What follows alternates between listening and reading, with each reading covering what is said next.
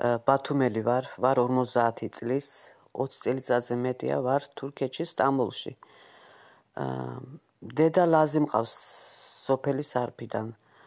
აა და ბევრი ნათესავი მყავს აქ, რაც პირველად მოსლისთანავე ხელი შემიწყვეს მე სამსახურის მხრივ. აა რაც შეეხება საქართველოსში დაბრუნებას დღევანდელი მთავრობა თუ არ შეიცვალა, უარესობისკენ მივდივართ. აქ ორ კაპიკს რასაც შოულობ და ჩამოვდივართ საქართველოსში, ისეთი სიძვირეა, ორმაგი და სამაგი ფასებია. ალბათ მშრალ პურს საჭმეზე თუ ყოფნის. ბინა საერთოდ არ გაგვაჩნია ნაკირავებში ვართ მე და დედა ჩემი მოხუცი, რომელსაც მე მარტო ვტოვებ. თვალი არ უხედავს ძალიან ოდნავ ლანდივით ხედავს ერთი ისიც ვიფიქრე დაშე რომ მოხუცთა სახლში დავტოვო ცოტა ხანი. აი ქირას ნუ გადავიხდე ცოტა ფული დავაგროვო მეთქი. იმიტომ რომ რასაც უმუშაობს თუ ქირაში მიდის. რომ დედა ჩემი ქუჩაში არ მყავდეს. ბინა გავყიდეთ იმიტომ რომ ძალიან გვიჭირდა იმ პერიოდში. და ვიფიქრე გავყიდი უფრო პატარას ვიყიდი მაინც გვეყოფა მე და დედა ჩემს მეთქი მაგრამ რო წამოვედი თურქეთში და რამოდენმე თვის მერე რო ჩავედი ბინებს ისეთი ფასები ქონდა აწეული. ვერაფრით ვერ მიწდი იმას რა ქვია ფასებს. და იმიტომ დავრჩით ასე ხან ასტუპნოიში ვიყავით ხან ნაკირავებში ეხლა ნაკირავებში ვართ ხო?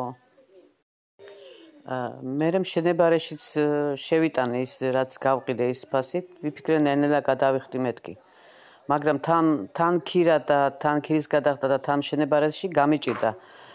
ცოტა ოდენით 1-2 წლით გადავიხადე, მაგრამ მაინც ბევრი ვალი მქონდა. მერე კოვიდი დაიწყო, უსაქმურად ვიყავი 1-7 თვე. ამიტომ გამიჭირდა, ამიტომ დავჭით ჩვენ უსახკაროდ.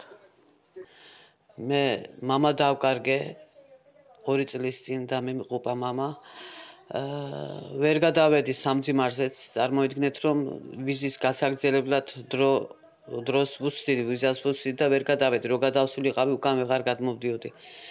დარჩებოდი მშიერი უსხალკარო.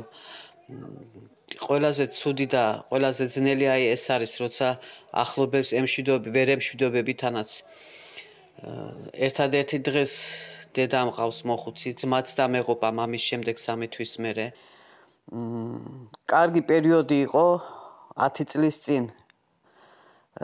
რასაც მუშაობდი და საქართველოსკენ მოbrunებული ბრუნდებოდით, ფული კარგად ყოფნიდა მაშინ. მაგრამ დღევანდელ სიტუაციაში ვერ შევადარებ იმ 10 წლის წინანდელ ცხოვრებას, იმიტომ რომ ყველაფერი კაპიკებში იყო. სამშობლოს მოცილებული ადამიანი აი ცხოველიც ქუჩაში რო დადის ცხოველიც რომ მოაცილო ისიც სოდვა კი არა ადამიანი აქაც უკვე ცუდი პრობლემები დაიწყო ყველაფერი სიძვიროობა აა საქართველოსიც თქვენს კარგად იცით რა დღეშია უკვე ყველაფერი მარკეტში შედიხარ უხარისხო. მით უმეტეს აქ შეჩვეული ხარისხიან ის ნაწარმოებს იქ რო უყურებ უკვე მეორე მესამე ხარისხოვანი და ორმაგი და სამაგი რა ქვია ფასებით. აზი არა ვარ ხვალზე ეგ მე სად ვიქნები ესეც არ ვიცი. მაგრამ საქართველოსში რო არის ცხოვრება ეს კარგად ვიცი აქ უკვე ქართველი ბევრი ამხანაგი აღარ დამჭა, იმიტომ რომ აქაც რო ძალიან გაჭირდა, უკვე დოლარი ძალიან აიწია, ყველა გადავიდა ევროპის მხარეს, ევროპაში. მაგრამ მე ბევრი ნათესავები მყავს ლაზები აქ. დასვენების დღეს მივდივარ მათთან, რჩები ერთად საჭმელს ვაკეთებთ. ნუ დრო კარგად გადის, არაუშავს. საქმეს რაც შეეხება, აქაურ საჭმელებს ვაკეთებ მე ოჯახში. ჩემი ოჯახის პატრონები საზოგადოებრივ როცა დადიან მიტოვებენ სახლში ზაღლი ყავთ ვემსახურები რა სახლის საქმეებს ვაკეთებ. რა თქმა უნდა ძნელია როცა ბევრი მოიყრება თავის სტუმრები როცა მარტო ძალიან ძნელი მიჭირდეს მიჭირს რა ქვია ქართულადაც მიჭირს ლაპარაკი უკვე თუ ხვდებით 22 წელიწადი აქ თურქეთში ვარ როგორც ასე ძალიან კარგ ხალხში ვარ ჯერჯერობით მაგრამ ასაკი ხელს უკვე აღარ მიწყობს ვიღლები.